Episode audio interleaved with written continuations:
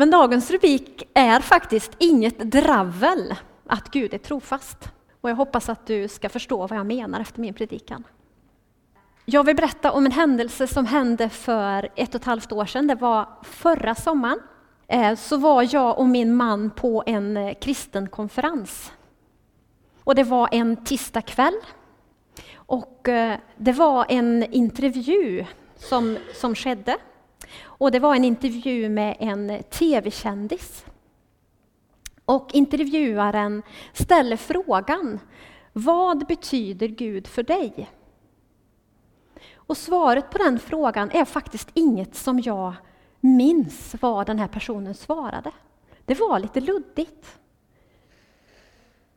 Utan vad jag tog med mig från den där kvällen, det var lovsången och det var sångerskans vittnesbörd om vad Gud hade gjort i hennes liv och hur han hade förändrat hennes liv. Allt gått så långt. Efter eh, den här tillställningen så gick jag lite vid sidan av scenen. Och så får jag höra hur den här intervjuaren pratar med en annan person. Och då säger hon så här. Det var så skönt att han på min fråga om vad Gud betyder för dig inte svarade en massa dravel om att Gud är trofast och så vidare. Och jag blir helt kall än idag, för för mig var det precis som att, ni vet sådär som man har en spegel framför sig. Och så är det någon som tar en stor sten och släpper ner den på spegeln så att den går i tusen bitar. Så kändes det. Jag var helt oförberedd på den här kommentaren. Och den kraschade i mig. Den kommentaren förändrade för en kort sekund min gudsbild. Men jag gick hem och reflekterade. Jag tog fram min bibel och började läsa. Och jag kunde läsa situation efter situation, jag kunde läsa i bibelvers efter bibelvers om Guds trofasthet. Och dit vill jag få återkomma om en stund. Jag reflekterade också över mina egna erfarenheter och vem Gud är för mig och vad Gud betyder för mig.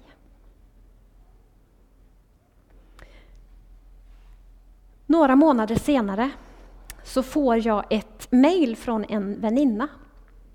Vi hade varit med eh, i förbön för eh, några precisa situationer som den här familjen stod i. Och i det här mejlet så skriver hon Trots allt som händer på alla, alla håll samtidigt är Gud trofast. Och jag har flera konkreta bevis på det bara den senaste veckan. Så underbart! Det var som balsam för min själ. Att flera delar samma erfarenhet. Och det vet jag ju. Men det var så skönt att just där och då få det svart på vitt och kunna läsa om det. Det första som jag vill skicka med dig idag, det är att låt ingen förändra eller förminska dina erfarenheter av Gud. Det är dina erfarenheter. Det är dina upplevelser. Och skriv gärna ned vad du har erfarit av Gud. Vilka bönesvar du har fått. Att gå tillbaka till och läsa om de här äh, erfarenheterna i ett senare tillfälle, det blir en otrolig styrka. I en tidigare smågrupp som jag och min man var med i så hade vi en böne och tackbok. Och att nu flera år läsa i den här tackboken, det är fantastiskt. Det var så mycket som vi tillsammans la fram inför Herren. Som vi fick svar på. Både i stort och i smått. Och det där som i efterhand kan tyckas vara litet och intet var ju för den personen som där och då la fram det en viktig sak och som Herren hade omsorg om.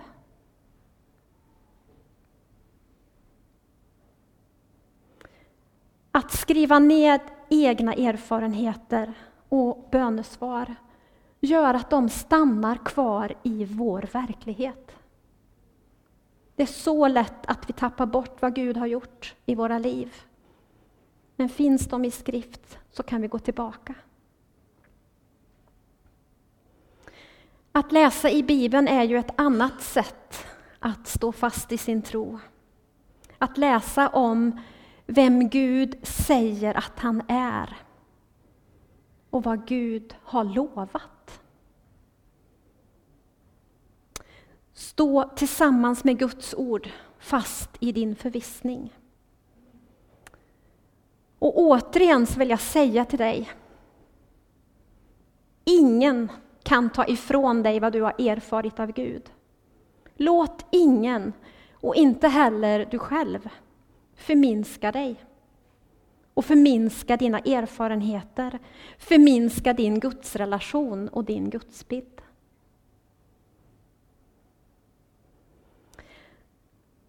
Det andra som jag idag vill lyfta är just Guds trofasthet och omsorg om var och en av oss.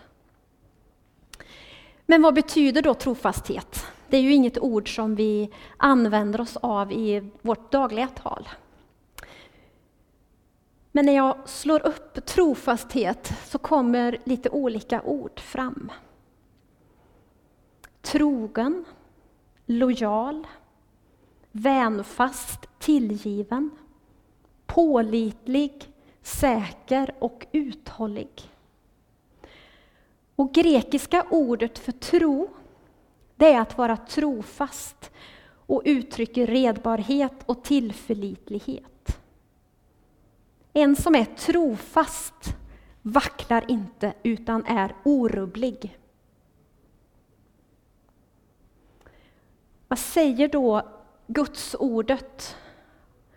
Och jag har ett litet axplock som jag vill belysa. Utifrån pålitlig, säker och orubblig så kan vi läsa i Hebreerbrevet 13. Jesus Kristus är densamme igår, idag och i evighet. I psalm 136. Hans nåd varar från evighet till evighet. Och i Uppenbarelseboken 1 och 8 så läser vi jag är A och O, början och slutet på allting som är och som var och som kommer igen. Och i vers 18 läser vi Var inte rädd, jag är den förste och den siste. Jag är den levande som dog och som nu lever i evighet. För mig visar det här att han är pålitlig och orubblig.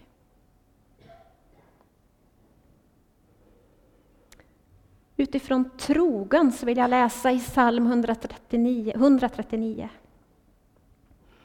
Herre, du genomskådar och känner mig. Du vet allt om mig. Du vet om jag sitter eller står.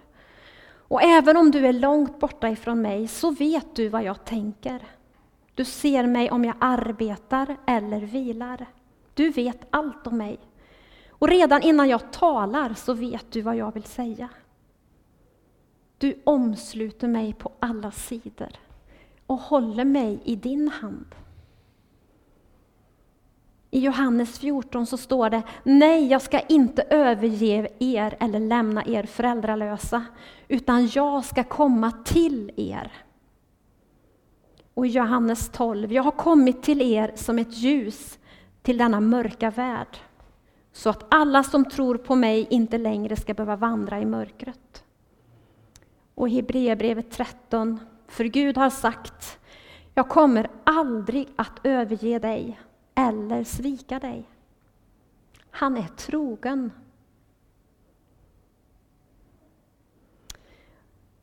Och om tillgiven, vänfast och uthållig så vill jag läsa två berättelser ifrån Lukas 15. Om någon av er har hundra får och ett av dem går vilse i öknen, lämnar han inte då de andra 99 fåren och går ut och söker det, efter det som försvunnit tills han finner det? Sedan bär han glad hem det på sina axlar. En man hade två söner. Den yngre gick till sin far och sa, jag vill ha min del av arvet nu, istället för att vänta tills du dör. Då gick fadern med på att dela sin egendom mellan sönerna. Några dagar senare så gav sig den yngre sonen iväg till ett främmande land. Och där levde han livets glada dagar och gjorde slut på alla sina pengar. En svår hungersnöd drabbade landet och han började lida nöd. I sin förtvivlan bad han då en lantbrukare att anställa honom för att vakta hans svin. Men så småningom blev han så hungrig att han till och med kunde äta svinens mat men ingen gav honom något. När han till sist tog sitt förnuft i fånga sa han till sig själv. Hemma har till och med de anställda vad de behöver och mer därtill. Och här går jag och håller på att dö av hunger. Jag går hem till min far och säger, Far, jag är inte längre värd att kallas din son, men var snäll och låt mig få arbeta som en av dina tjänare. Han återvände alltså hem till sin far. Och medan han fortfarande var långt borta såg hans far honom komma. Och han fylldes av kärlek och medkänsla. Han sprang emot sin son och tog honom i sina armar och kysste honom. Sonen utbrast. Jag har syndat mot Gud och mot dig.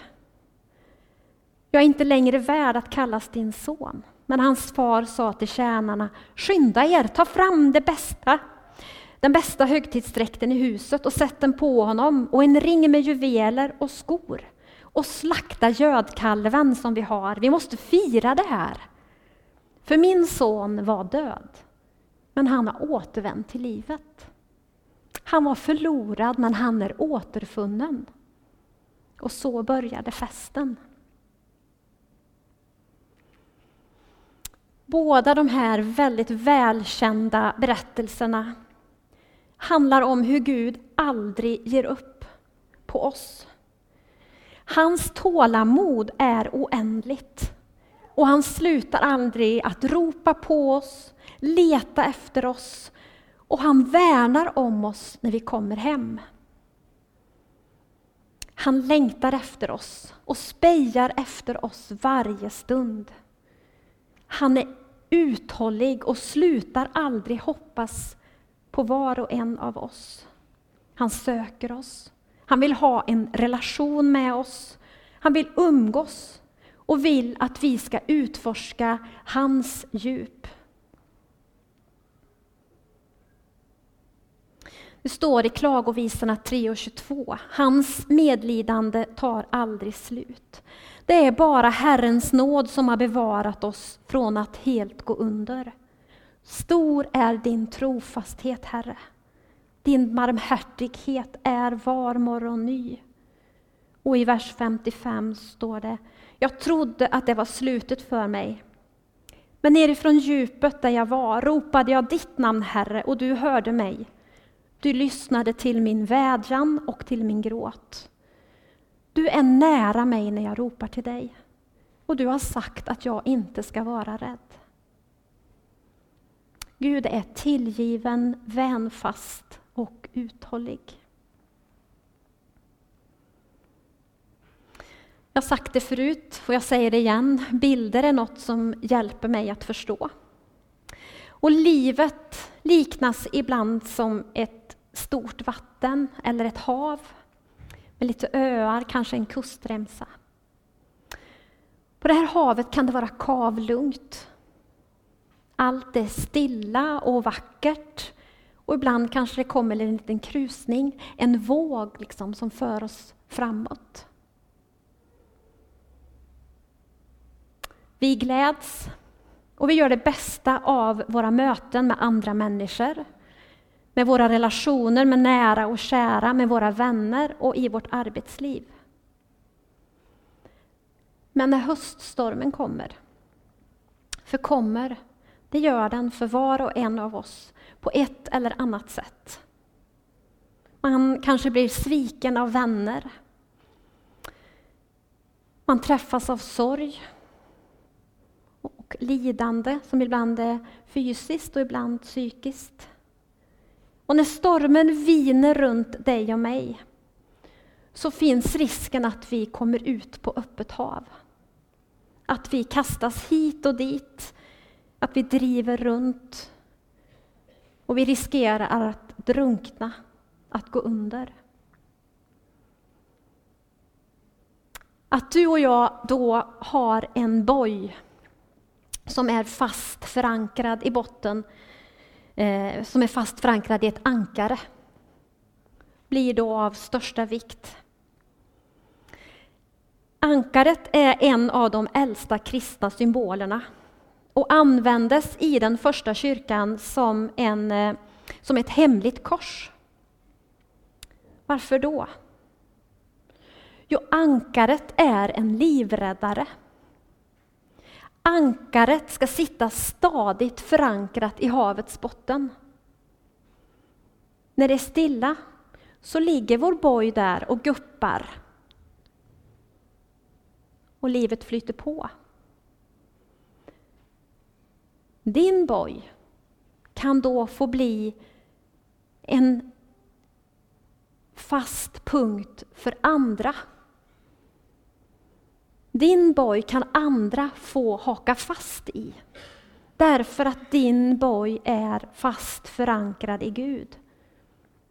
Du kan få bli en hjälpande hand, en utsträckt hand för andra vars boj är i ett annat vatten.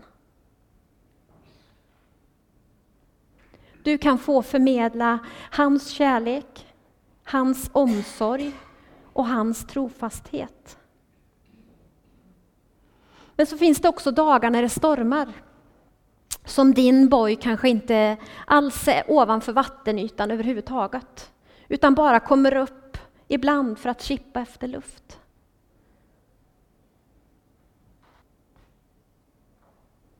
Det är då det blir så viktigt vart vi har vårt ankare någonstans. Och jag menar att ankaret är Gud. Ankaret är hans ord. Ankaret är Jesus Kristus och det han har gjort för oss. I Hebreerbrevet så står det i Hebreerbrevet 6, 18-19. Han har gett oss både sitt löfte och sin ed. Två saker som vi helt och fullt kan lita på, för det är omöjligt för Gud att ljuga.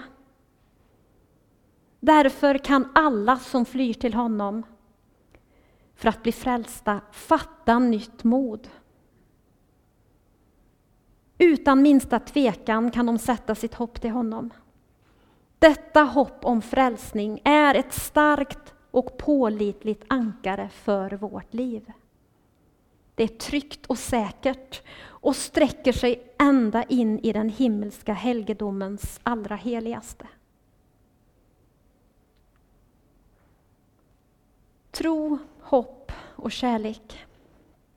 De symboliseras ofta tillsammans och vi läser om dem i Bibeln. Och kanske någon av er också har det som en symbol i ert halssmycke. Tron är korset och kärleken är såklart hjärtat.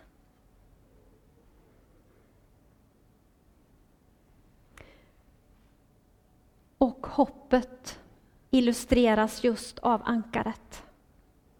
Och en del i tron, i korset, är att hoppet utgår härifrån. Och att det hoppet är förankrat i Jesus Kristus och i Guds ordet. Och när det börjar att blåsa upp, Då gäller det för dig och mig att vi har en relation med Jesus. Att vi har byggt en relation genom att umgås, genom att be och tacka, genom att läsa hans ord. Det är då vi blir förankrade.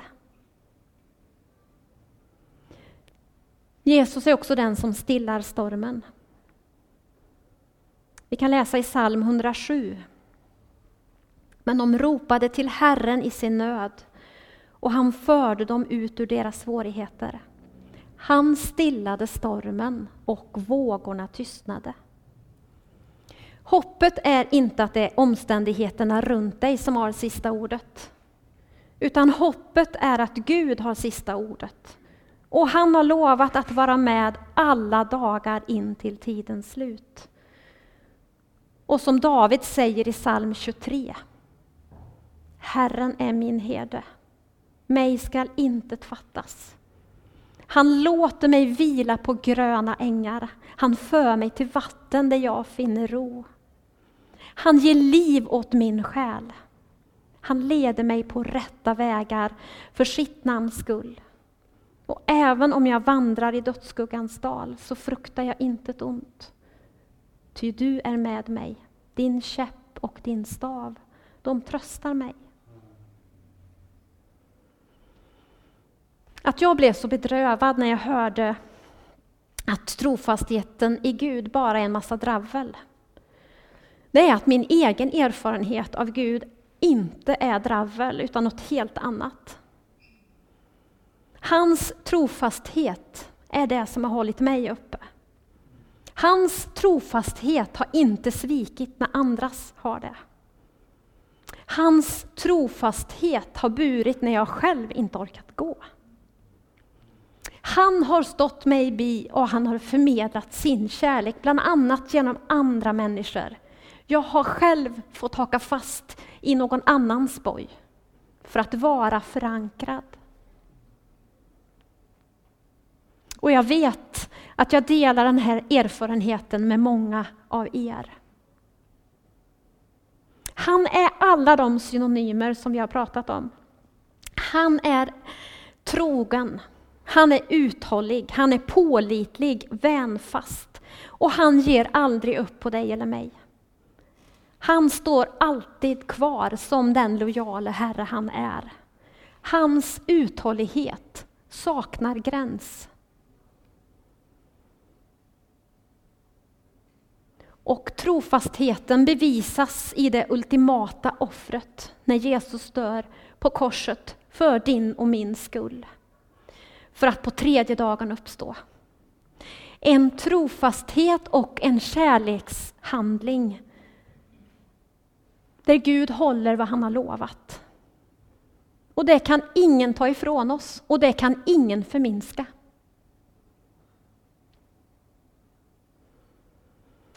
Jag vill läsa en dikt som jag har läst förut, men jag kände ändå så starkt att jag skulle läsa den idag, för jag tror någon eller några av oss behöver den. Och den heter Två fotspår i sanden. En natt hade en man en dröm. Han drömde att han gick längs en strand tillsammans med Gud. På himlen trädde plötsligt händelser från hans liv fram. Och han märkte att vid varje period i livet fanns två par fötter i sanden. Det ena spåret var hans och det andra var Guds. När den sista delen av hans liv framträdde såg han tillbaka på fotspåren i sanden. Då såg han att många gånger under sin levnadsvandring fanns det bara ett par fotspår. Och han märkte också att detta inträffade under hans mest ensamma och svåra perioder i sitt liv. Detta bekymrade honom verkligen. Och han frågade Gud om detta. Herre, du sa den gången jag bestämde mig för att följa dig, att du aldrig skulle överge mig, utan gå vid min sida hela vägen. Men jag har märkt att under de allra svåraste tiderna i mitt liv har det bara funnits ett par fotspår i sanden. Jag kan inte förstå att du lämnade mig när jag behövde dig som mest. Herren svarade, mitt kära barn, jag älskar dig och jag skulle aldrig lämna dig under tider av prövning och lidande. Och när du bara såg ett par fotspår, det var då jag bar dig.